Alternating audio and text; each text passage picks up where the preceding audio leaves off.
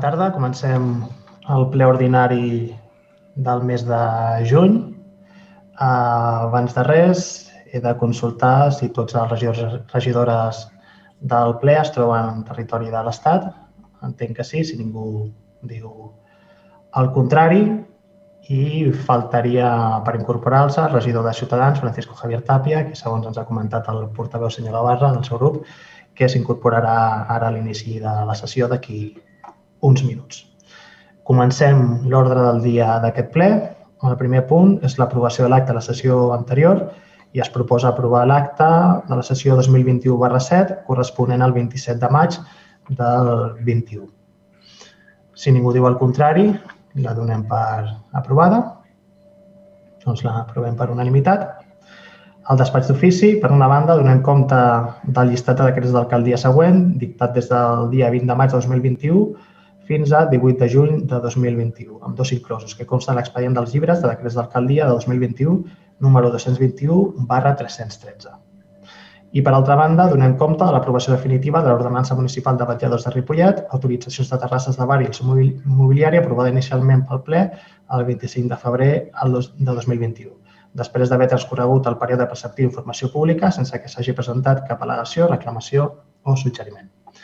Ara ja passem als punts d'acord, el primer dels quals és la modificació de crèdits número 9 barra 2021 amb modalitats de crèdits extraordinaris i suplements de crèdit. Presentarà la regidora d'Hisenda, senyora Pilar Castillejo.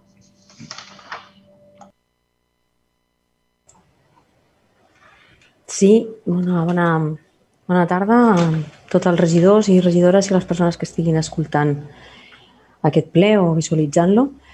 Eh, aquesta modificació de crèdit, bueno, portem alguns plens amb diverses modificacions a, a, a mesura que anem madurant els projectes i us expliquem la, la d'avui. Um, amb aquesta uh, presentem la creació de tres partides noves.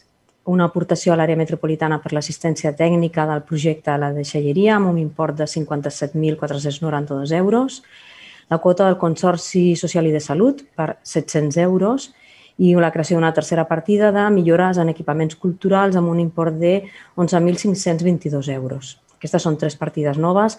La primera bueno, correspon, sabeu que hi ha el projecte per la construcció d'una nova deixalleria.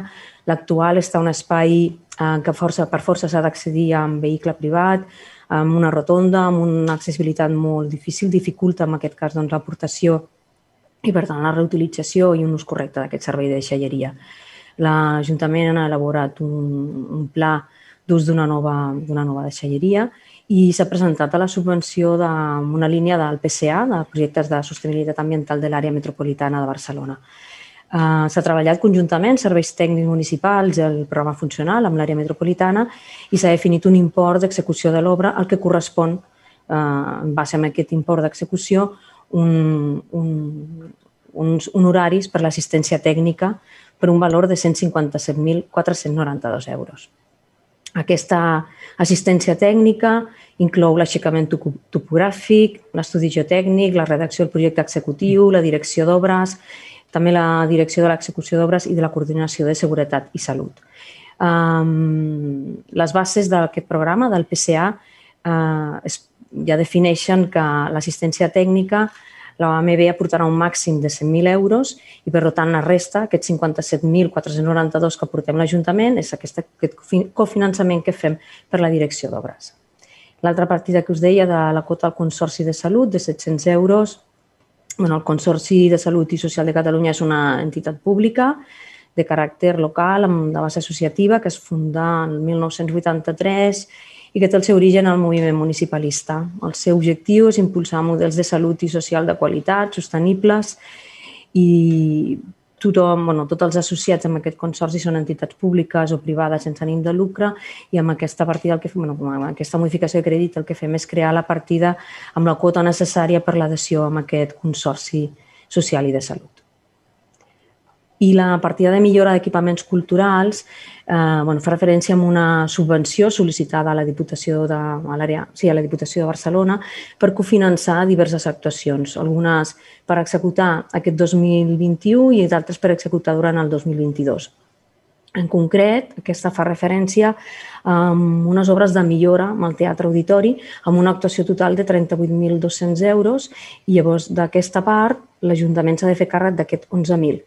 La resta, els 26.699 euros, es farà càrrec la Diputació. El que fem és aportar la dotació suficient per poder tirar endavant eh, amb aquest projecte cofinançant amb la Diputació aquestes millores al teatre.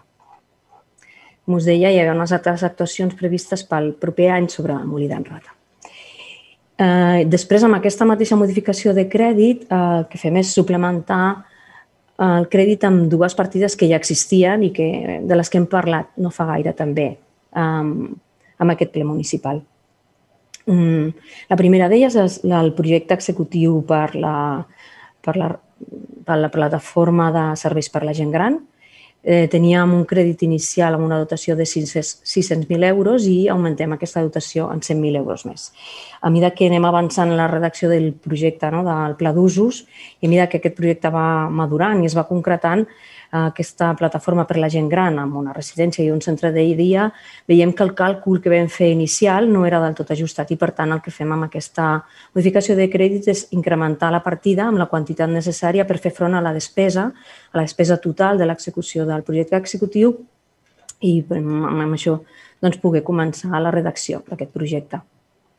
Mm, aprofito aquesta, aquesta intervenció per eh, perquè bueno, a la comissió informativa on vam explicar als grups municipals eh, aquesta modificació de crèdit, el portaveu del PSC va comentar que aquesta eh, que, bueno, va fer menció de que encara no estaven signades la concertació de places per la residència, no? i penso bueno, que segurament és un dels temes que parlarà, jo m'avanço no? i ho explico. No?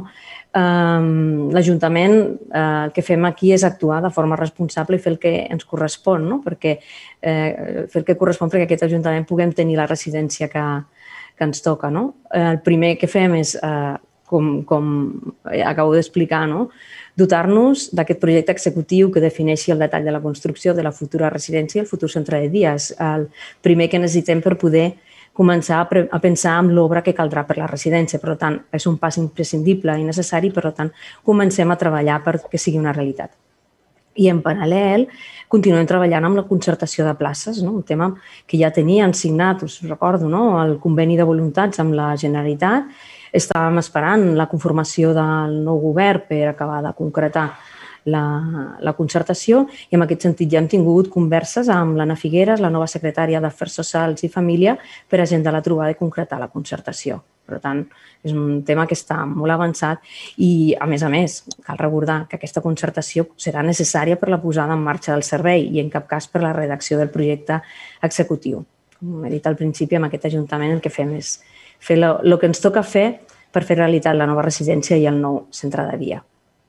I per últim, la partida més important d'aquesta modificació de crèdit és eh, per, per, a la partida de la recuperació de les lleres dels rius.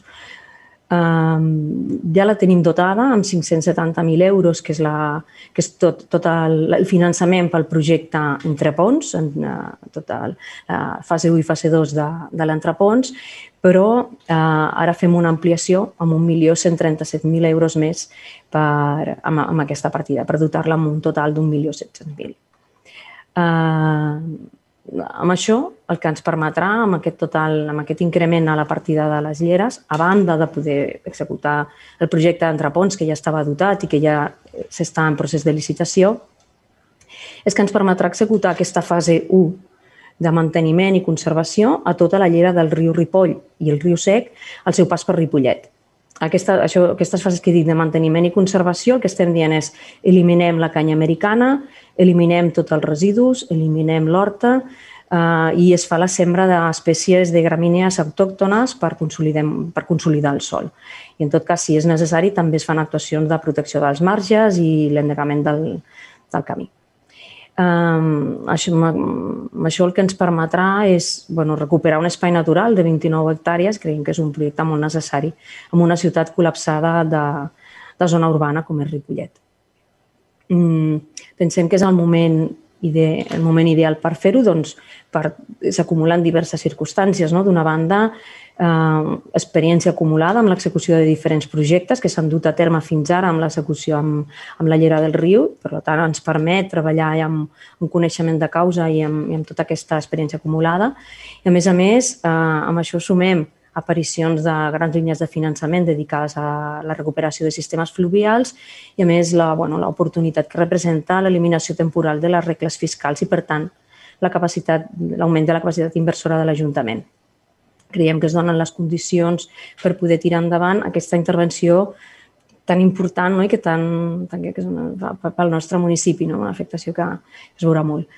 Um, a banda, jo crec que també és important, no? com que fem una aportació d'aquest milió d'euros, no? jo crec, i, i portem diversos plens eh? amb, amb, amb incorporant. Recordo que al ple d'abril vam incorporar fins a 6 milions i mig d'euros amb diferents programes i línies d'actuació, tant pel que fa al capítol 1 de, per, per augmentar l'ocupació, amb despeses de projectes tirats endavant des de l'Ajuntament, com també el capítol 4 que va destinat a ajudes i a subvencions, doncs una vegada després de, i també bueno, la, la partida més important d'inversió, no? o sigui, després d'aquestes modificacions venim ara amb aquesta d'un milió d'euros, però també crec que és important destacar que totes les actuacions que fins ara hem fet al Riu han comptat sempre en subvencions importants. Eh, del que portem executat fins ara al riu, que és un total de 816.000 euros gastat amb la llera del riu, eh, 729.000 euros han estat subvencionats. Vol dir que l'aportació municipal fins ara en les actuacions del riu ha estat només d'un 12% d'aquest import. I a més a més, en aquest moment ens trobem en subvencions en diferents graus de maduresa, però hi ha en tràmits, subvencions bé concedides però encara no cobrades o sol·licitades i pendents encara de resolució de 1.165.000 euros. Per tant, ens trobem en condicions de, de poder eh, amb, amb, no, invertir amb la llera del riu, amb la recuperació d'aquest espai natural i al mateix temps eh, preveure que una part important d'això també serà eh, es podrà trobar a través d'altres eh, entitats supramunicipals que podran fer aportació al finançament municipal. Doncs, per part meva, si no hi ha cap pregunta, aquesta és l'explicació de la modificació de crèdit i se deixo la paraula als grups municipals. Gràcies, senyora Castillejo. Torn de posicionament. Senyor Montanui. Sí, gràcies, senyor alcalde. Um, bueno, això que diria ara segurament ja ho hem escoltat en més d'una ocasió eh, en el si del ple dels darrers mesos i fins i tot fins on arriba la meva experiència amb els darrers, amb els darrers anys. I no és altra de que, de que avui ens trobem, ens trobem de nou a una cruïlla en la qual ens hem de manifestar públicament sobre el nostre posicionament respecte a, a diferents propostes de modificació de crèdit on aquests criteris, i ara parlo personalment, aquests criteris polítics doncs són, són diversos. Uh, no, no és uh, públicament ocult la meva predisposició uh, i, per tant, la meva, per la meva part podria fins i tot a, a haver arribat a donar un vot favorable a la partida d'augment de, per part de la residència. No? En aquest sentit, com sap molt bé, ens hem manifestat en diferents, eh, en diferents fòrums. I ara arriba el però. Però, malauradament, eh, la proposta que portem avui respecte a aquesta proposta d'augment de crèdit per, a, per al que, que és el tema de, de recuperació de la llera del riu, eh, li dic francament, eh, no la veig oportuna. No la veig oportuna que estigui inclosa en aquest PAC. Vale? Parlem de PAC. Eh, no la veig oportuna, donat que, que la quantia proposada no és uh, menyspreable, estem parlant de més d'un milió d'euros per a aquesta feina que segur en un moment donat uh, podríem arribar a entreveure, uh, però que es mereix, es mereix més debat i, i atenció de la que hem pogut eh, debatre en els darrers dies. I com sap molt bé la regidora Castillejo, com sap molt bé també el regidor Eric Plata i com sap molt bé també els tècnics de l'Ajuntament que eh, de, de, de l'àmbit mediambiental hem, hem estat o hem intentat en tot cas estar al tanto de, de com ha anat el desenvolupament. però és per aquests motius pels que avui en manifesto en contra. En contra en el benentès de que la importància d'un projecte mediambiental d'aquesta mena pot arribar si, és, eh, si es cau en el ple de, de l'Ajuntament amb, les, amb el suficient suport com perquè sigui aprovat una proposta de modificació de crèdit d'aquesta magnitud. I quan parlo amb magnitud, i com molt bé ha dit la regidora Castillejo, ja ens hem trobat amb els darrers plens amb el qual hem aprovat altres modificacions de crèdit amb les quals aquest propi regidor no escrit no ha tingut cap mena de dubte a l'hora de donar el seu parer i el seu vot favorable. Però en aquest cas i com és lògic, no sempre haurem d'estar d'acord en tot el que passi a la nostra ciutat. En aquest cas, el meu vot és en contra. Moltes gràcies, alcalde. Gràcies, Eugeni. Per part de SOM? Sí, desde el Grupo Municipal Sombripollet eh, nos ha llegado información sobre el río Ripoll y, la verdad que, que muy bien por la información. Nos ha quedado claro unos aspectos, pero otros no nos han quedado tan claros. Por lo tanto, creemos que la propuesta de modificación de créditos es elevada y que en la situación socioeconómica que se encuentra Ripollet deberíamos dar prioridad a otras cosas. Tampoco nos ha quedado claro algunos aspectos económicos y creemos que merece que haya más debate en esta situación. Por otra parte, también creemos que la modificación de créditos de la residencia tendría que realizarse por separado. Para nosotros, la residencia es un tema prioritario y necesario para Ripollet y no, y no queremos que se presente en conjunción con otras modificaciones que se hayan hecho hasta ahora o que se tengan que realizar en otro momento. Por lo tanto, en, en estos momentos nuestro voto será en contra. Gràcies, senyora López. Per part de Ciutadans. Sí, eh, Ciutadans, tradicionalment a les modificacions de crèdits el nostre posicionament ha estat l'abstenció perquè considerem que, que forma part doncs, de la política del dia a dia del govern per dirigir aquelles qüestions que creu més importants. Eh, però avui no volem ser una rèmora en aquests moments per establir algunes de les prioritats amb les quals nosaltres ja hi hem mostrat durant temps eh, el nostre acord, no? i, per tant, el nostre posicionament, després d'un debat intens en els últims minuts per part del grup, el nostre posicionament serà a favor. Gràcies. Gràcies. PSC. Sí, bona tarda a tothom i bona tarda també a les persones que estan escoltant des de casa. El, el nostre posicionament, eh, a veure, aquesta és una moció de crèdits eh, que porta diversos, diversos temes. I, hi, ha, hi ha la primera part que ha explicat molt bé la senyora Castillejos de noves inversions i, en, en cultura i amb la deixeria, que estem absolutament d'acord. Pensem que, que, que és important que el teatre millori i que la deixeria també també millori per la ubicació on està i aquestes inversions les trobem adients i, i raonables. Per altra banda, el tema del riu eh, pensem que no està prou justificat. Eh, amb, amb l'expedient. Eh, nosaltres fèiem broma quan, quan ho parlàvem al grup municipal, nosaltres per, i fèiem aquest exemple que crec que a tothom que ens estigui escoltant li quedarà molt clar. Aquí demanem 1.100.000 euros més de crèdit al, al riu per arreglar-lo amb un únic pressupost, això ho vaig comentar a la comissió informativa. Nosaltres, jo per comprar-me una televisió a casa meva de 1.000 euros miro 4 o 5 pressupostos.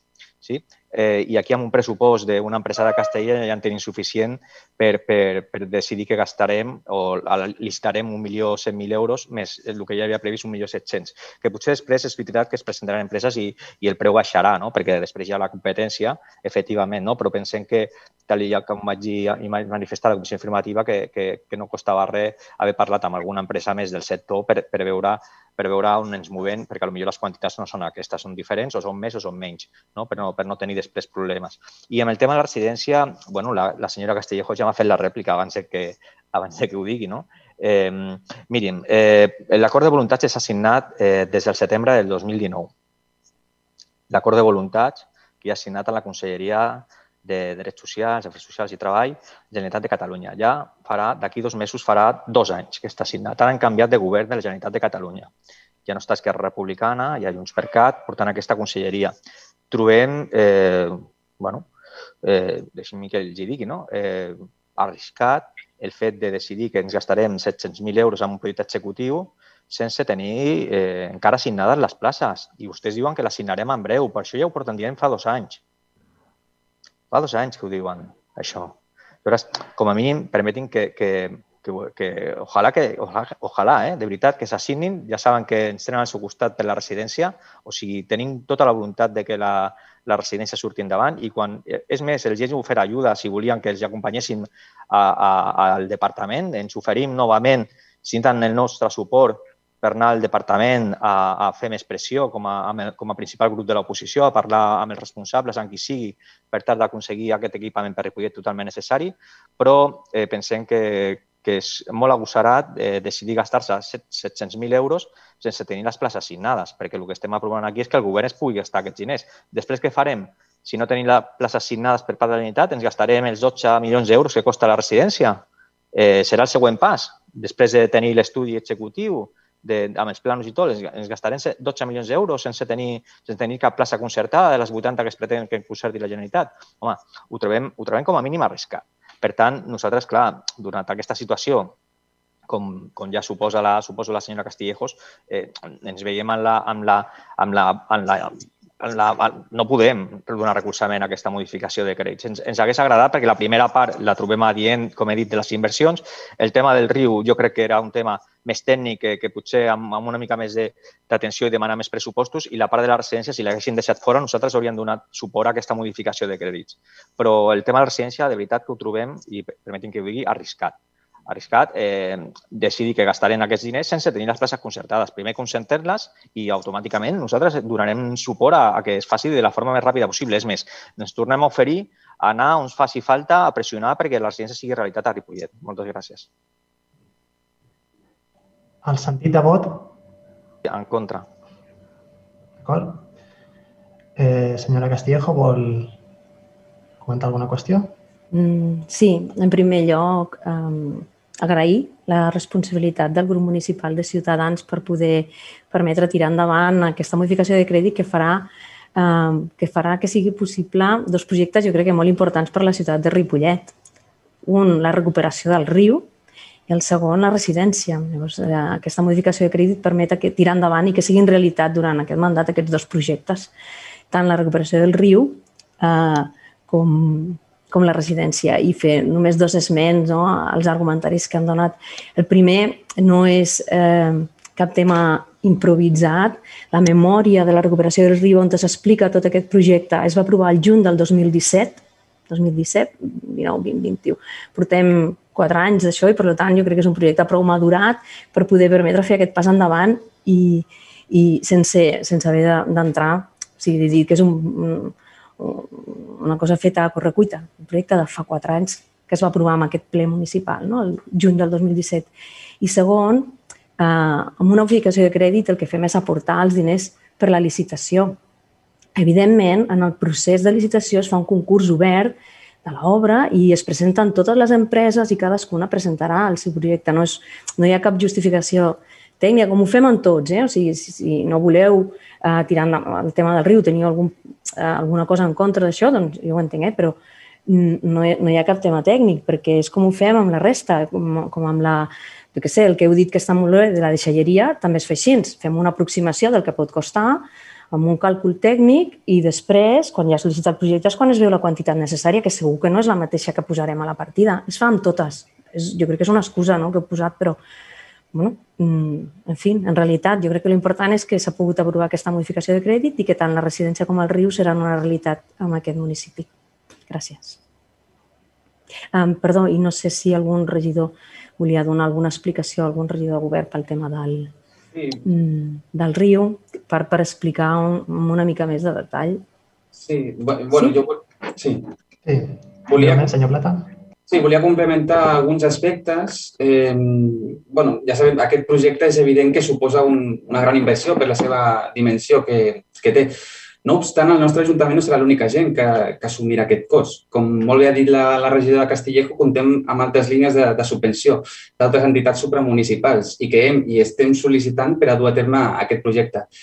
A més a més de les ajudes concedides per l'ACA, estem sol·licitant ajuts dins del programa del Consorci Besòs Tordera, també amb l'aparició de, de grans línies de finançament concertades per a la recuperació de sistemes fluvials com són el Next Generation de la Unió Europea, que requereixen projectes en execució o molt madurs i amb una clara intenció d'execució. De, per altra banda, els motius i condicionants que, que ens han conduït cap a aquesta nova proposta són diversos, com, com s'expliquen a la memòria, eh, tant socials, mediambientals, de salut, entre d'altres. Aquesta nova proposta s'ha anat madurant tècnicament en, en els darrers mesos.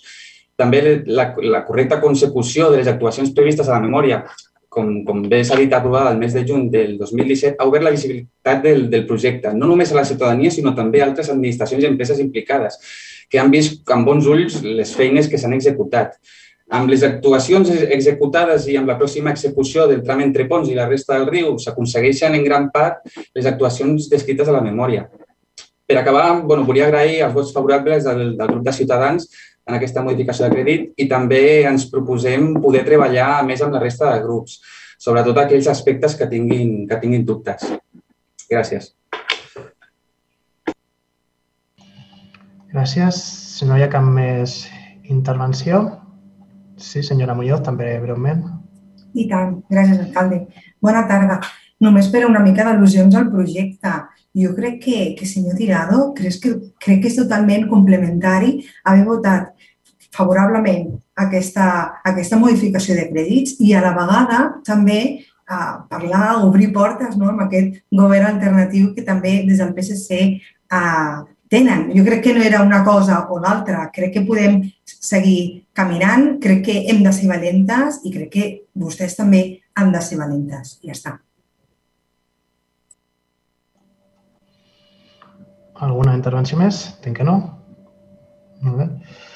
Doncs amb el vot contrari del regidor no adscrit, som i PSC i el vot favorable de govern i de Ciutadans queda aprovada aquesta modificació de crèdits. Passem a la següent punt, que és eh, l'aprovació de l'Ordenança Municipal de Transparència i Administració, la qual presentarà la regidora de Modernització Administrativa, senyora Andrea Guijarro. Endavant. Hola, bona tarda a tots i totes i a les que ens esteu escoltant. Uh, avui portem a ple l'ordenança de transparència i administració electrònica. Uh, com ja sabem, l'àmbit de les noves tecnologies es troba en constant evolució i hem de ser capaces d'aprofitar aquestes potencialitats, perdó, potencialitats i alhora garantir que les actuacions administratives tinguin plena validesa legal i s'adaptin doncs, a, a la legislació vigent que, que tenim. Uh, com a administració, doncs ja sabem que hem de fomentar les relacions amb la ciutadania per mitjans electrònics, però no només això, sinó també fomentar la participació ciutadana i també garantir els drets de la ciutadania, com, com per exemple l'accés a la informació. I tot això doncs, sense perdre de vista doncs, aquest objectiu que tenen les administracions doncs, d'esdevenir més eficients i, i més efectives. Per tant, aquesta ordenança suposa tenir una norma pròpia que detalla els criteris i, i les regles per a l'ús dels mitjans electrònics i que, a més, ens permet continuar treballant i avançant, com, com ja veníem fent des del mandat anterior, a les eines i a les relacions entre la ciutadania i, i l'Ajuntament. Ja per acabar, doncs, que, que aquesta ordenança doncs, ens permet donar un pas més en, en la consolidació de la nostra administració electrònica. Gràcies. Gràcies. Obrim el torn de posicionament. Senyor Montanui.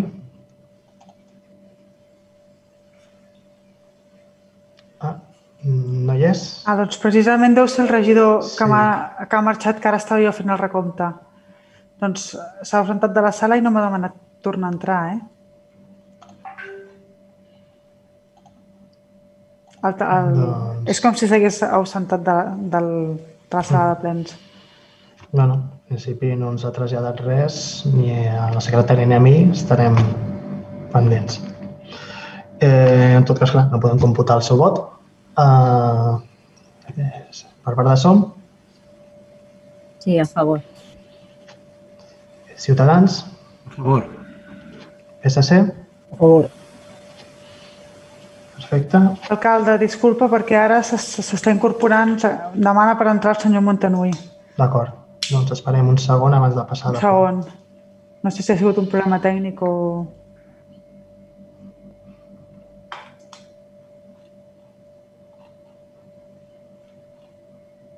A veure... Eugeni? Senyor Montanui? Sí, perdó, alcalde. Torno a estar connectat. Estàvem en el punt quart de l'Ordenança Municipal de Transparència i Administració. Havíem fet tots els posicionaments i faltava el teu. Punt 4, sí, perdó, eh, que m'he desconnectat i he tornat a connectar el més ràpidament possible. Disculpes a tots. Uh, posicionament del punt 4 a favor. D'acord, moltes gràcies. Doncs aquest punt, si no hi ha cap més intervenció, queda aprovat per unanimitat. Recordem, com és habitual, que s'aprova inicialment i que ara se sotmet a informació pública per 30 dies hàbils i que si no es presenta reclamacions o suggeriments doncs es considerarà aprovat definitivament. Passem al següent punt, que és l'aprovació de la creació del Consell Municipal de Desenvolupament Econòmic Local de Ripollet i aprovació inicial del reglament que haurà de regir aquest Consell. I deixo el punt a la regidora de Desenvolupament Econòmic, senyora Meritxell Caler. Endavant. Bona tarda a totes. Uh, amb la dissolució dels patronats ens quedàvem orfes d'espais de participació. La subcomissió de desenvolupament econòmic del Pla de Xoc va omplir aquesta funció, no? va complir-la, ja que en ella vam crear un pla de treball validat per ple extraordinari per contenir el primer embat de la crisi econòmica i social derivada de la sanitària. Però calia omplir el buit i gràcies al marc general del reglament de participació aprovat el passat mes de gener hem pogut esmenar-ho i avui portem a aprovació la creació del Consell Municipal de Desenvolupament Econòmic i l'aprovació inicial del reglament que haurà de, de, de regir-lo. Aquest nou espai de participació neix amb el propòsit de ser un espai de debat, de sumar forces i crear fils argumentals per reivindicar-nos de cara fora del municipi, per treballar en la millora de l'ocupabilitat, de la inserció sociolaboral, de la formació per posar en valor les empreses i emprenedores de Ripollet i treballar en projectes que afavoreixin l'economia circular amb la vista posada en els ODS 2030. Un espai participatiu on hi seran els representants polítics presents al ple, representants de les associacions del teixit econòmic i sindicats, per tal de que hi siguin recollides totes les veus actives de l'òrbita socioeconòmica. I portem a aprovació el reglament que hi regula la composició i funcions del Consell Municipal, les quals seran proposar suggeriments, iniciatives i propostes per a la resolució de qüestions estratègiques de l'àmbit, recollir opinions ciutadanes per a les quals es reclami assessorament de la regidoria o el Consell, conèixer el programa anual d'actuació de l'àmbit o ser informats dels acords adoptats pels diferents òrgans municipals d'aquells temes d'interès en matèria de desenvolupament econòmic. En definitiva, portem a aprovació la creació d'un espai de participació i treball amb una mirada molt més àmplia que l'antic Consell de l'Extingit Patronat, un espai de consens que ens faci trobar punts i interessos comuns que no han de ser altres que millorar la vida de les persones del nostre municipi. Moltes gràcies. Molt bé. A més, també aprofito per afegir que aquesta aprovació d'aquest Consell doncs, també dona compliment a una moció que es va presentar a principis d'any per part del del PSC que al final es va transaccionar i que finalment doncs, tenim aquí aquesta aprovació d'aquest Consell Municipal de Desenvolupament Econòmic. Posicionament, senyor Montanui. A favor. A favor. Som? A favor. A favor. Ciutadans?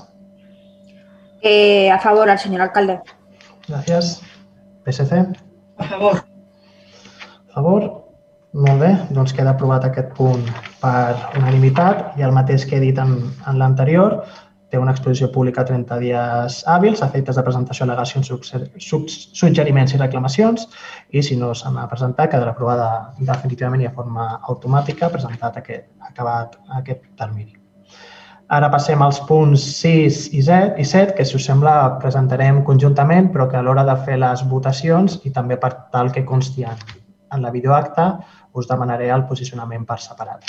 No obstant, la regidora Reyes Muñoz eh, procedeixi a aquesta presentació dels punts. Bé, gràcies. Doncs bona tarda una altra vegada. Uh, portem, per una banda, l'aprovació a l'adenda de pròrroga del conveni de col·laboració entre l'Agència d'Habitatge de, de la Generalitat i l'Ajuntament de Ripollet en relatiu a l'oficina local d'habitatge per aquest any, 2021. Com ja sabeu, és un conveni que hem de tenir signat per tal de tenir aquesta oficina des de, des de l'Ajuntament de Ripollet i poder facilitar, no, entre altres coses, les ajudes a, al lloguer, que per ser es van acabar l'11 de juny amb un total d'unes 370, que és el que venim fent des de fa un parell d'anys. Uh, aproximadament. Vale? I després, l'altre punt, que és també en relació una mica, és l'aprovació de denda de pròrroga del conveni de col·laboració entre també l'Agència la, de l'Habitatge de l'Ajuntament de Ripollet relatiu al programa de mediació per al lloguer social per a l'any 2021, que és la borsa de lloguer que gestionem des de fa un parell d'anys uh, exactament. I bé, com, com sabeu, aquest, aquest tipus de conveni normalment són anuals, a no ser que canvi alguna norma i alguna regla, i és per tal de donar continuïtat als serveis que ja s'ofereixen des de, des de l'Ajuntament de Ripollet. Res més. Gràcies. Gràcies. Doncs ara us demanaré als diversos grups la, el posicionament pel que fa al punt número 6, l'aprovació de l'adenda de pròrroga al conveni de col·laboració entre l'Agència d'Habitatge i l'Ajuntament relatiu a l'Oficina Local d'Habitatge per l'any 2021. Senyor Montanui? A favor. Som? A favor. Ciutadans? A favor. PSC? A favor. Perfecte. Ara passem al punt setè, la presentació i l'explicació del qual ja em refereixo a la presentació que ha fet la regidora i ja passem a la votació d'aquesta venda de pròrroga del conveni relatiu al programa de mediació pel lloguer social per l'any 2021. Senyor Montanui? A favor. Som? A favor. Ciutadans? A favor. I PSC?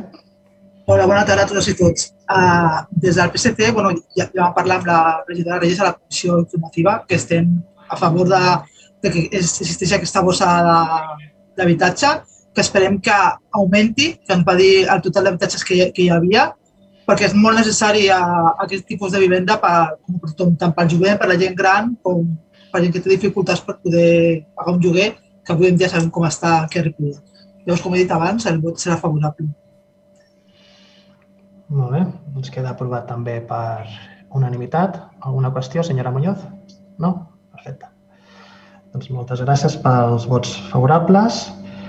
Ara ja passem a les mocions. Bé, de fet, a la moció que n'hi ha una única a l'ordre del dia, que és una moció per, per adherir-se al programa BioPet d'acolliment d'animals proviments de violència domèstica, presentat per un municipal del PSC. Qui la defensarà? Hola, bona tarda a tothom. La presentaré jo mateixa. Eh, la violència masclista és una xacra social que des del moviment feminista i les polítiques d'igualtat es continua lluitant per abolir-la no voler ni una dona més assassinada pels seus maltractadors. La violència contra les dones no tan sols s'exergeix de manera física, sinó que també s'exergeix de manera psicològica. I dins de la violència que pateixen les dones, la violència vicària és una forma freqüent entesa com aquella violència que pateixen les dones quan li volen fer mal a través dels seus fills o filles. Amb la mateixa finalitat de causar dany a les parelles o exparelles, s'utilitzen els animals amb els que conviuen. Gairebé en la meitat de les llars de l'Estat conviu un animal de companyia i la sensibilitat, respecte i vincle emocional amb ells ha canviat molt en els darrers anys. I és aquest punt on el maltractador l'utilitza com un mecanisme més de maltractament cap a la víctima. Utilitza el vincle emocional de la dona amb el seu animal de companyia com una forma més de terror i maltractament. Articles científics ja en l'any 2002 publicaven un tractat en el qual s'associaven els actes repetits de crueltat animal en la infància amb el desenvolupament de trastorns de personalitat, presència de trets antisocials i l'abús de substàncies en persones adultes. La Universitat de Utah va evidenciar que el 86% de les dones que s'allotjaven a un alberg per a dones maltractades tenien animals de companyia i d'aquestes dones el 80% havien vist com es, es maltractaven i fins i tot es mataven els seus animals de companyia per part de les seves parelles. El Consell de Protecció i Benestar Animal de la Comunitat Autònoma de Madrid, en estudis realitzats en cases d'acollida per a dones maltractades del Regne Unit, Canadà i Estats Units, va recollir que el 94% de les dones amb animals de companyia, si haguessin tingut un sistema d'acollida dels seus animals, haguessin escapat de les seves llars molt abans. Pel que es demostra clarament la necessitat imperiosa que les institucions normalitzin l'estància de les víctimes de violència de gènere amb els seus animals de companyia, perquè en dos casos puguin abandonar el domicili amb el qual conviuen amb el seu maltractador. En aquesta línia, el govern de l'Estat ha desenvolupat el programa Biopet, un programa per recollir i acollir els animals de les víctimes de violència masclista. Més de 900 cases d'acollida en tot el territori de l'Estat han donat suport i, ha, i han atès els animals de companyia de més de 500 dones víctimes de violència masclista que no volien deixar la seva llar en la que estaven sent víctimes de violència masclista als animals amb els seus maltractadors. Per tot això, el grup municipal del Partit Socialista de Catalunya insta el ple de l'Ajuntament de Ripollet a que l'Ajuntament s'adhereixi al programa Biopet del Ministeri de Serveis Socials i Agenda 2030, mostrant el seu contundent rebuig a la violència de gènere i també a la violència contra els animals de les víctimes de violència de gènere. Que l'Ajuntament, en col·laboració amb les entitats animalistes, es compromet a cercar llars d'acollida urgent per les dones víctimes de violència de gènere. A més, l'Ajuntament treballarà i mediarà perquè els pisos d'acollida de les dones víctimes de violència de gènere les dones puguin conviure amb els seus animals de companyia. Que l'Ajuntament, en col·laboració amb les entitats de protecció animal, es compromet a fer jornades de, de conscienciació i sensibilització contra el maltractament animal. I punt 4, es traslladaran aquestes, eh, aquests acords al Ministeri de Drets Socials i Agenda 2030, al Ministeri d'Igualtat, a les entitats animalistes del municipi, Federació de Municipis de Catalunya i a l'Associació Catalana de Municipis i Comarques. Gràcies. Bona tarda. Gràcies. Obrim torn de posicionaments. Senyor Montanui. Sí, gràcies, alcalde. Um, només una apreciació, tot i que avanço que el, el meu vot a favor d'aquesta moció, només una apreciació respecte a que la violència envers els animals no és un tema exclusivament de gènere, eh, sinó que malauradament es produeix amb impunitat dins de l'àmbit privat, eh, donat que, com tots sabem, la pluralitat i la diversitat avui en dia és una realitat d'aquest segle XXI. Per tant, no només, eh, no només és un tema de gènere. Dit això, eh, res més. Gràcies, alcalde. Gràcies. Eh, som? Sí, el nostre vot és favorable. Ciutadans?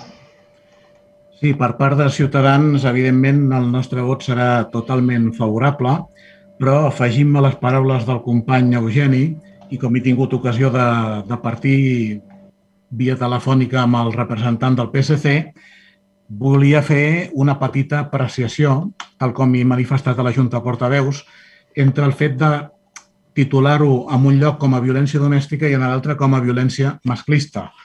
Miri, vostès saben que jo sóc professional i operador en dret de família i recentment vaig tenir ocasió de portar un divorci entre dues persones del mateix sexe, que eren doncs, dues, dues dones, i un jutjat va tenir que, que, que restringir un règim de visites amb una mascota que estava sent maltractada.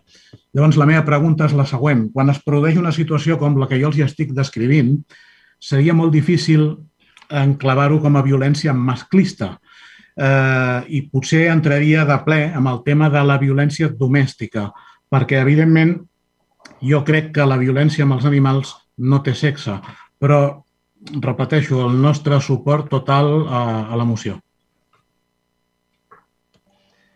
Gràcies. Per part de Decidim, senyor Eric Plata. Sí, gràcies, alcalde. Eh, bona tarda a tothom. Des de Decidim votarem a favor de la moció. Tot i així, abans de res, cal, cal recordar que una moció molt similar a aquesta, amb idèntic, idèntic objecte, va ser aprovada el ple de febrer del 2017 va ser una moció presentada per, per Decidim Esquerra, treballada amb Animales Ripollet i Biopet, i que finalment va ser aprovada. Fruit d'aquesta moció es van realitzar diverses accions al respecte. No es van detectar situacions de maltractament en casos de violència masclista amb animals involucrats. En cas que es detectessin, serien treballades en base al protocol d'actuació entre la taula animalista i la policia local que es va elaborar al respecte. A més, es van impartir per part de tècnics de Biopet unes jornades eh, de formació a policia local que van tenir molt bona acollida. De totes aquestes actuacions se'n van fer difusió als mitjans de comunicació local per tal de sensibilitzar de la problemàtica i també els grups municipals van ser informats a través d'informacions que periòdicament es donaven sobre el compliment de les, de les mocions. Per altra banda, a Ripollet, eh, a Ripollet existeixen molt, moltes llars d'acollida, ja sigui per maltractament animal o abandonament i estan dotades, eh, donades d'alta com a tals, gràcies a voluntaris i voluntàries, principalment vinculats a l'Associació la, Animal Ripollet, a la qual agraïm molt la seva tasca. Sense aquestes cases d'acollida, l'índex de trasllats d'animals a refugis seria el triple Ripollet. Per tot això, ens hauria agradat que la moció del, del PSC hagués eh, fet esment a aquella moció que es va aprovar i les actuacions dues a termes per l'Ajuntament. I per les entitats animalistes al respecte, ja que en aquest tema, afortunadament, Ripollet no parteix de zero i hi ha molta, molt, bon, molt bona feina feta que no es pot ignorar. Volem pensar que, en tot cas, eh, ha estat un descuit i no cap altra cosa. En qualsevol cas, el nostre sub, eh, grup dona suport a, a la moció, ja que ens permet seguir avançant i renovant el compromís de l'Ajuntament davant d'aquests casos de violència masclista. Gràcies. Molt bé. Hi ha alguna intervenció més? Una qüestió pel grup proposant, senyora Martín? Gràcies, volia donar les gràcies. Sí que som conscients, evidentment, de la feina que es fa aquí a Ripollet amb el tema animal, l'associació que hi ha i la veritat és que sí que està de no posar-ho, però som conscients i també bueno, tenem l'exposició que, que ha fet el senyor Gavarra i efectivament pot una, una situació entre parelles que siguin del mateix sexe. Gràcies. Bona tarda.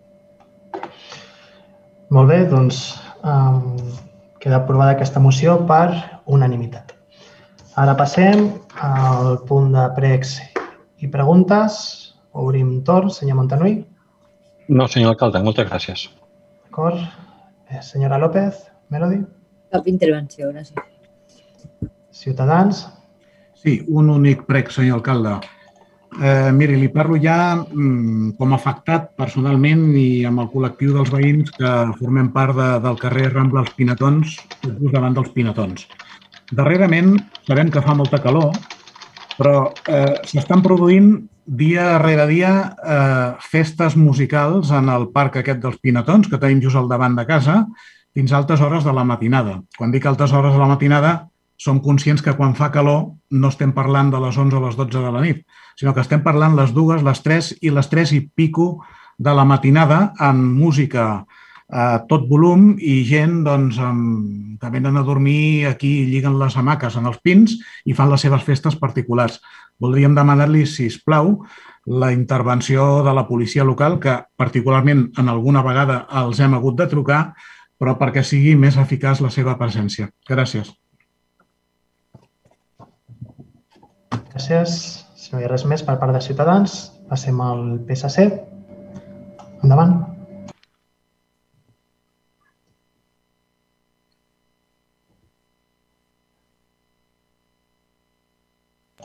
No hi ha... Sí, bueno, començaré jo. Bona tarda. Uh, Un moment, ja. senyora Herrera. El senyor Tàpia ha demanat per entrar ara. Ah. M'espero llavors si té alguna pregunta. Mm, Bueno, ves, ves fent, senyora Herrera, i en tot cas després li cedeixo Vale. la paraula. Perfecte. Uh, mira, jo vull fer una, una, una pregunta. Ara ja que s'està activant tot el, tot el tema del Covid, una miqueta estem més sueltos, diguéssim, uh, volia preguntar a la senyora, sembla que la senyora Reyes la que porta aquest tema de la gent gran. Uh, com és? El casal d'avis? Uh, bueno, vale. Eh, eh, perdona. Vale. El, el casal d'avis, uh, si, si, està- si està previst ob- obrir-ho i quina programació uh, pot haver-hi ara de cara ja al, a les noves obertures i, les, i els nous aforaments, perquè sa- sabem que és gent que desgraciadament porten un any i mig sense poder reunir-se, sense poder fer cap activitat i sense poder fer res, i llavors crec que seria convenient estar una miqueta més atents amb, amb ells i, i recolzar-vos en, en aquestes petites obertures que puguin, que puguin haver-hi. I després, els centres cívics també estan tancats des de març del 2020. Sé que n'hi ha alguns, com el del carrer Maragall, vale, que, que s'ha obert per, per la placeta, que fan també activitats la, la placeta oberta, però els altres no sé si començaran també a obrir de, a, la, a la gent del, dels barris perquè també comencen a fer les seves pròpies activitats que estaven fent amb anterioritat. Gràcies. Gràcies. Abans de continuar amb el PSC, eh, saludem al senyor Francisco Javier Tapia. Eh, estem al punt de pregs i preguntes. No sé si vostè volia fer algun prec i pregunta. No? Val. Doncs queda dit. Eh, senyora Martín, veig que... Vale, bueno, una apreciació més que una pregunta. bueno, i acompanyada d'una pregunta també. Um, considerem que s'ha fet tard la informació i la publicació de la preinscripció per l'Escola de Música. Hem vist darrerament als locals comercials que s'ha deixat aquesta, aquest full informatiu i mm, aquí explica la data del termini de preinscripció, però quan entres a l'accés al formulari mm, no eh, s'indica per enlloc el preu.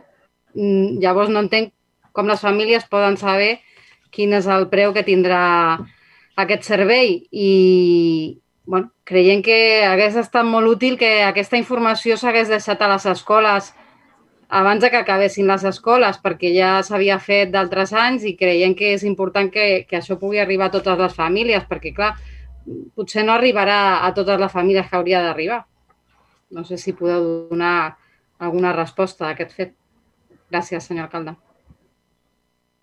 Gràcies, senyora Martín. Més pregs i preguntes? Sí, senyor sí. alcalde. Ramon, digues. Senyor Martos? No. Sí, sí. Sí, hola, bona tarda a tothom. Uh, bé, és una pregunta pel regidor Sergi Linares respecte al tema de la comissió del nomenclàtor. Eh, ja hem pogut veure que pel dia, si no recordo malament, 5 de juliol es consolida o es conforma ja la comissió del nomenclàtor, um, recollint ja els noms de les persones designades per les entitats o inclús, em sembla, a títol individual. Llavors, la, la pregunta que hi ha és eh, dir eh, un pic conformada ja aquesta comissió de forma ja oficial, eh, quina previsió hi ha eh, de convocar ja oficialment la comissió de nomenclàtor per posar-li ja fil a l'agulla amb aquest tema. Gràcies. Gràcies. Tinc el PSC ja el senyor Tirado. Sí, gràcies, senyor alcalde. Jo només tinc, tinc una pregunta i és referent als dos bars, el bar del Centre Cultural que, i el bar del eh, pavelló municipal. Eh, bueno, al, al bar del Centre Cultural portem, jo crec que pràcticament 3-4 anys, si no recordo malament, amb el bar tancat. Les obres estan finalitzades crec que fa dos anys. És, crec que fa dos anys més o menys que les vaig veure finalitzades. Eh, S'ha tret un concurs fa uns mesos que va quedar desert, eh, per lo que m'han manifestat algunes persones del sector eh, perquè les quantitats que es demanen eren molt abusives en una situació com, com l'actual. També hem tingut la pandèmia pel mig i ara sembla ser que s'està oferint un altre cop la licitació i s'està ensenyant un altre cop el, el centre cultural. I per altra banda tenim el bar del pavelló eh, que s'ha quedat sense, sense José, sense el servei que, que, que oferia el licitador que va guanyar, que va guanyar el concurs fa, fa, uns, fa uns anys. Eh, és veritat que el concurs eh, finalitzava al maig, però també és veritat que no s'ha tingut la previsió de treure un altre concurs ni de prorrogar-lo i per lo que em costa i he pogut parlar personalment amb el licitador, ha entregat les claus un dia per l'altre per un tema, sembla ser que econòmic, eh, i la situació que tenim ara mateix és que tenim dos serveis al centre del poble que, que estan tancats, un des de fa molt de temps i l'altre trigarem un temps a omplir-lo, un servei que a l'estiu fa, fa molt bon servei, el bar del pavelló, que està tancat, que ara el servei de consergeria desconec com, com s'està fent. El que sí que sé és que la primera nit les llums d'exteriors del pavelló, quan van deixar les claus, va estar tota la, tota la, fins al dia, inclús les llums donades, perquè les van veure, que ningú es va fer càrrec Ara sembla ser que sí que s'estan fent cara, no sé com s'ho estan fent, i voldrien saber que una mica que ens expliquessin què està passant amb la situació d'aquests dos bars, perquè, perquè bueno, bar centre cultural, quatre anys crec que porta tancat i ara tenim el bar del pavelló municipal també tancat i amb un servei de consergeria que no sabem com s'està fent. El que sí que vam veure ja la primera nit és que totes les llums exteriors del pavelló van quedar donades, fins i tot durant el dia estaven donades, perquè ningú es va preocupar de tancar-les. Eh, bueno, és una mica aquí el que sempre han dit de la gestió. No? Eh, quina, quina, què pensen fer, com, com, com ho tenen això, perquè al final el que, el que sí que veiem és que hi ha un objectiu de recaptació molt important, amb unes quotes molt, molt importants, com són 2.700 euros al pavelló, eh, amb una situació de crisi econòmica per la pandèmia que estem patint, i sembla ser que al centre cultural també s'ha demanat molt, molts diners, per això ningú es va presentar a aquell, aquell, aquella primera licitació i ara crec que s'han rebaixat les pretensions econòmiques, quan aquests serveis el que és un servei a la ciutadania, no tant un servei de recaptació d'ingressos per l'Ajuntament, que també, però no tant. Eh? No tant com, com el que es vol fer o s'ha plantejat perquè per, per aquest motiu justament un ha entregat les claus i a l'altre no es presenta ningú. Per tant, només és una reflexió eh, en veu alta sobre com s'està gestionant aquests dos serveis, aquests dos bars, eh, que són molt importants, torno a repetir, pels serveis que donen a la població de Ripollet i que ara mateix no els tenim. Un ja fa pràcticament quatre anys i l'altre es tenen uns mesos, crec, sense, sense servei i, a més, sense servei de consergeria. Que això també s'hauria de plantejar, que el, que el listador del bar faci el servei de consergeria d'un equipament públic eh, Jo crec que això és una que porta fent-se molts anys, però, però jo crec que és, val la pena donar una volta i allà s'hauria de posar un conserge que sigui un conserge municipal i no el responsable del bar que a part de portar el bar ha de fer de conserge. Aquest és un plantejament que li faig al regidor d'Esports perquè com un prec, perquè ho valorin, ho valorin, que l'Ajuntament pugui tenir un conserge professional al, al pavelló municipal per les hores que està obert el pavelló. Moltes gràcies. Molt bé. Regidors, regidors que vulguin contestar alguna qüestió? Senyor Plata. Sí, gràcies.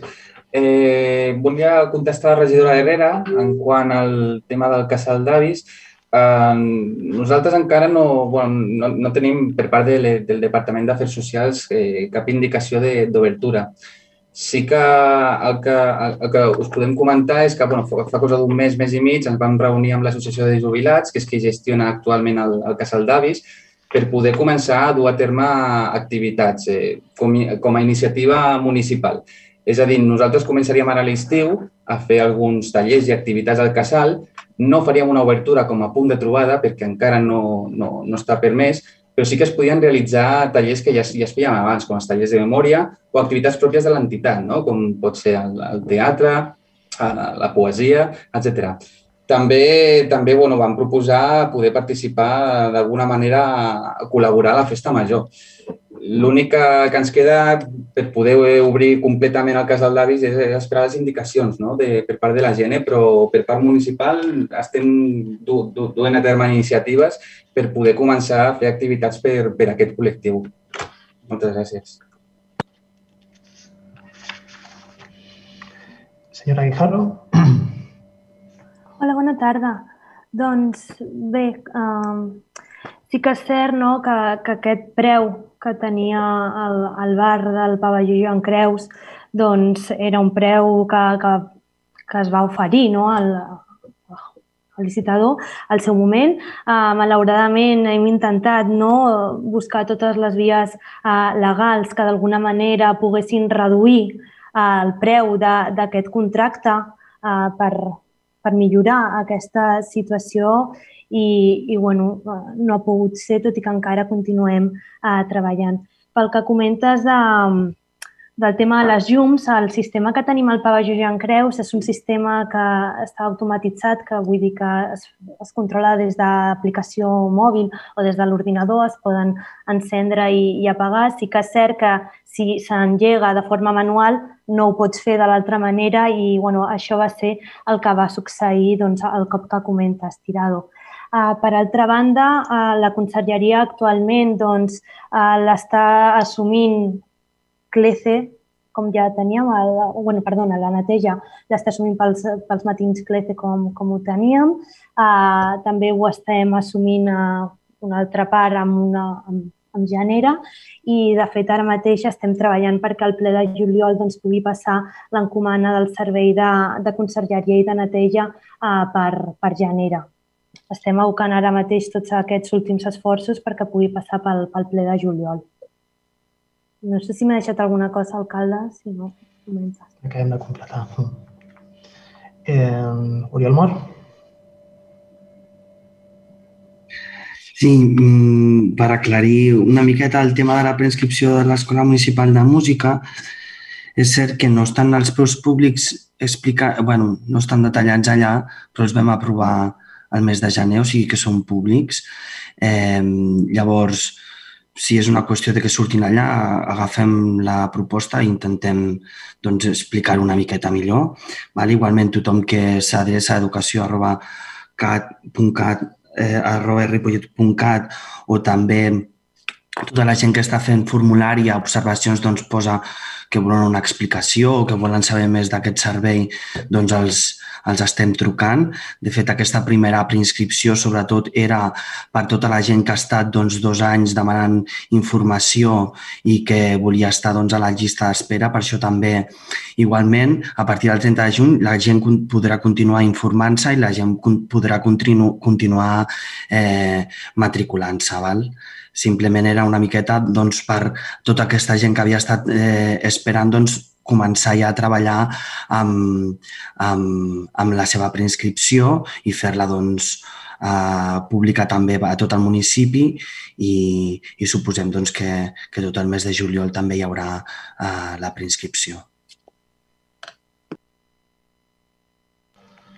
Algun regidor o regidora que vulgui contestar una cosa més? Senyor Linares? Sí, per, per part meva, sí. En primer lloc, donar resposta a la, a la regidora Eva Herrera sobre l'apertura dels centres cívics.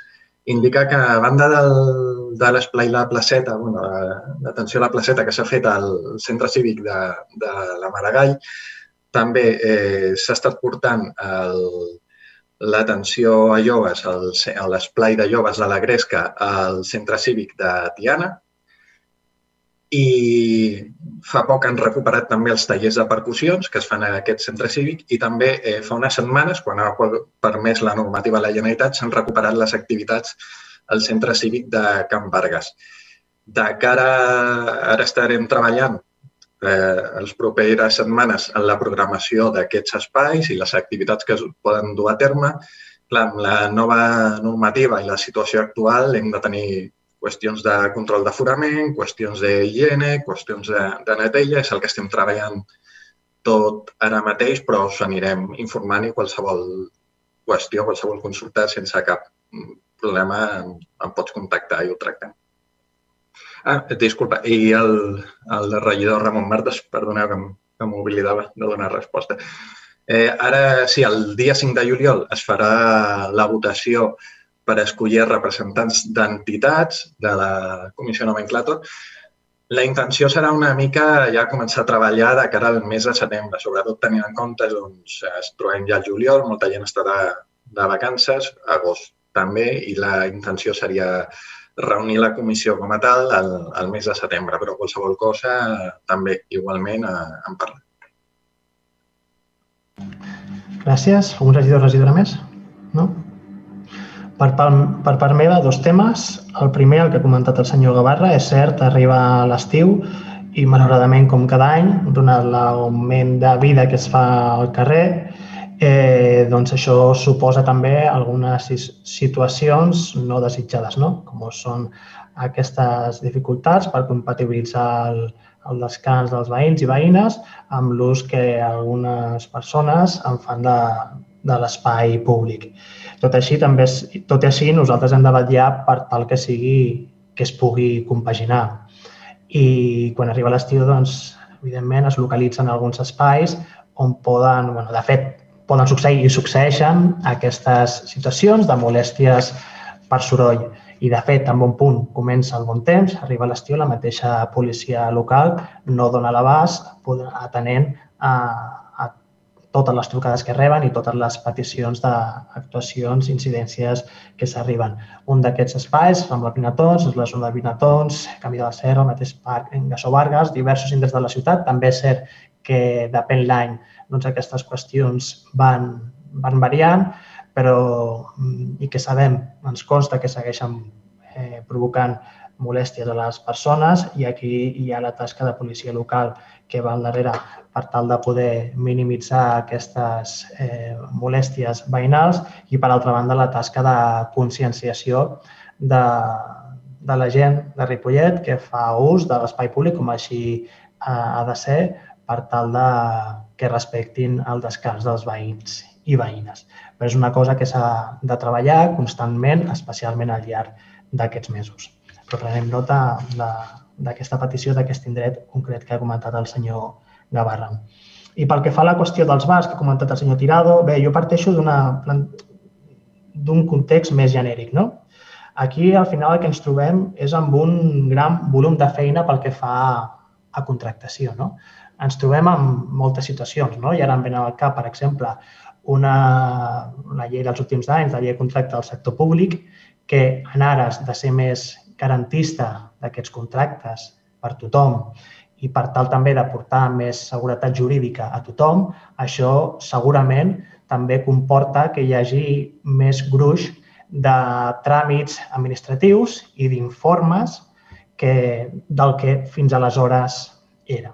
Això comporta també un extra de càrregues de feina a l'hora de treure qualsevol tipus de contracte públic. I, per altra banda, també, com a Ajuntament, ens trobem que cada cop hi ha més contractes, que cada cop hem d'atendre també la regularització de serveis que s'estaven donant des de l'Ajuntament de forma històricament, però sense els contractes adients que donessin suport eh, legal a aquestes situacions.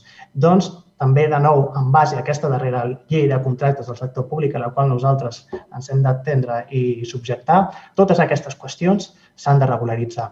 I això què suposa? Això suposa que hi ha una planificació exhaustiva. També suposa que des de l'Ajuntament al llarg dels últims anys, i és objectiu, també s'ha augmentat el personal i els recursos humans destinats i els recursos destinats a les àrees de contractació de l'Ajuntament per tal de donar sortida a totes aquestes qüestions. Però, evidentment, evidentment i malauradament, i jo crec que en això sempre m'agrada fer un exercici d'honestedat i, de, i de transparència, al final moltes vegades ens trobem amb colls d'ampolla, amb, amb embuts, de forma que, malauradament, no sempre es poden treure amb tota l'agilitat i premura que tots nosaltres voldríem tots els contractes, perquè al final és una cosa eh, materialment i físicament eh, impossible.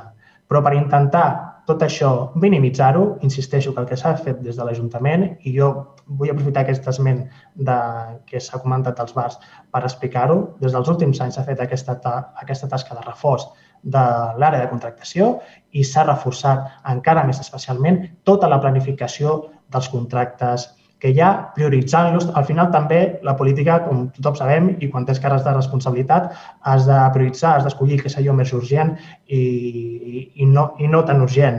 I és probable, és possible, de fet així pot succeir, que aquestes qüestions dels, dels bars doncs, no haguessin estat tan prioritàries com d'altres serveis que en teníem com a Ajuntament, que eren més importants i, i essencials per la nostra ciutat. Eh, més enllà d'això, algunes qüestions concretes de, dels temes que s'han comentat. Pel que fa al bar del pavelló, sí, nosaltres també el que esperàvem com a Ajuntament és que es pogués estar alguns mesos en pròrroga aquest contracte que fins ara tenia l'adjudicatari que va deixar al maig durant uns mesos mentre l'Ajuntament fèiem tot el procés de licitació. Això, malauradament, no ha pogut ser així i aquí també ha tingut un impacte molt gran doncs, la Covid-19 en aquesta, en aquest bar, concretament, com l'ha tingut també en, molts, en moltes altres eh, situacions. Així que s'han sumat aquestes coses, eh, malauradament, i jo també, i tant la regidora Guijarro com jo mateix, també els mateixos concessionaris els hem traslladat que lamentem molt aquesta situació que finalment, o la decisió que finalment han hagut d'optar per ells a nivell personal, però també perquè ara deixem de tenir aquest servei de bar en, en, aquesta, en aquest pavelló. Tot i així, també reiterem que la voluntat és poder separar aquest servei de consergeria i que aviat eh, ho farem possible perquè estem molt d'acord que aquest és el plantejament que s'ha de seguir, de diferenciar el servei de bar del servei de consergeria esperem que es pugui fer realitat. Per altra banda, pel que fa al bar del centre cultural, eh, vostè comentava, senyor Tirado, a mi em semblava que era un volum econòmic, no, unes exigències massa altes. A mi personalment també, a mi personalment també. El que passa també que com a administració, com a ajuntament, com a govern, com a institució, insisteixo també, estem subjectes, subjectes a uns tràmits i a uns requisits. I en aquest cas, eh, quan es va treure a licitació amb les primeres condicions, això era en base no al que algú li semblés, sinó en base a alguns informes econòmics i financers que deia que amb aquest preu i amb aquestes característiques eh, un bar d'aquestes eh, característiques, aquest lloc de Ripollet, doncs era plenament viable. I això es va fer un estudi de mercat de Ripollet amb gent que coneixien eh, Ripollet i, per tant, eh, es van ajustar a primera licitació amb aquelles condicions eh, allò que recollia. I, de fet, jo també ho plantejo, o sigui, jo també ho vaig verbalitzar que, ostres, a mi també eh, penso que també són unes condicions eh, massa altes per la situació que estem vivint. Però, en tot cas, eh, aquí no podem actuar de forma arbitrària, sinó que ha de ser en base a certs informes al respecte. Jo no tinc coneixement, jo no vaig fer particularment cap eh, estudi de mercat al respecte, sí que ho van fer especialistes, es van encarregar això i va ser en base que va sortir aquests eh, resultats. Ara eh, s'han vist que la realitat ha estat la que ha estat i, per tant, s'han modulat algunes qüestions. I, en tot cas, també ens vam trobar, ja no tant pel que fa al cànon mensual que havíem de pagar, no? sinó també alguna qüestió més vinculada a, a la, al que es demanava com a, per tal de justificar la solvència econòmica i financera del projecte que es presentava. I tot això doncs, ara s'està arreglant i per sort eh, les administracions tenen mecanismes per part de poder atendre i millorar aquestes actuacions i és el que s'està fent i esperem que ara sí vagi de debò i pugui ser adjudicat el més, el més aviat eh, possible. Molt bé. Doncs diria que no hi ha més, cap més qüestions. Eh, ho deixem aquí, tot recordant que, com hem avançat a Junta de Portaveus i com també és habitual, el ple de juliol s'avança una setmana i, per tant, tindrà lloc el dijous, dia 22 de juliol. També recuperarem l'hora habitual dels plens a les 7 de la tarda. Doncs moltíssimes gràcies a tothom, ho deixem aquí i fins aviat.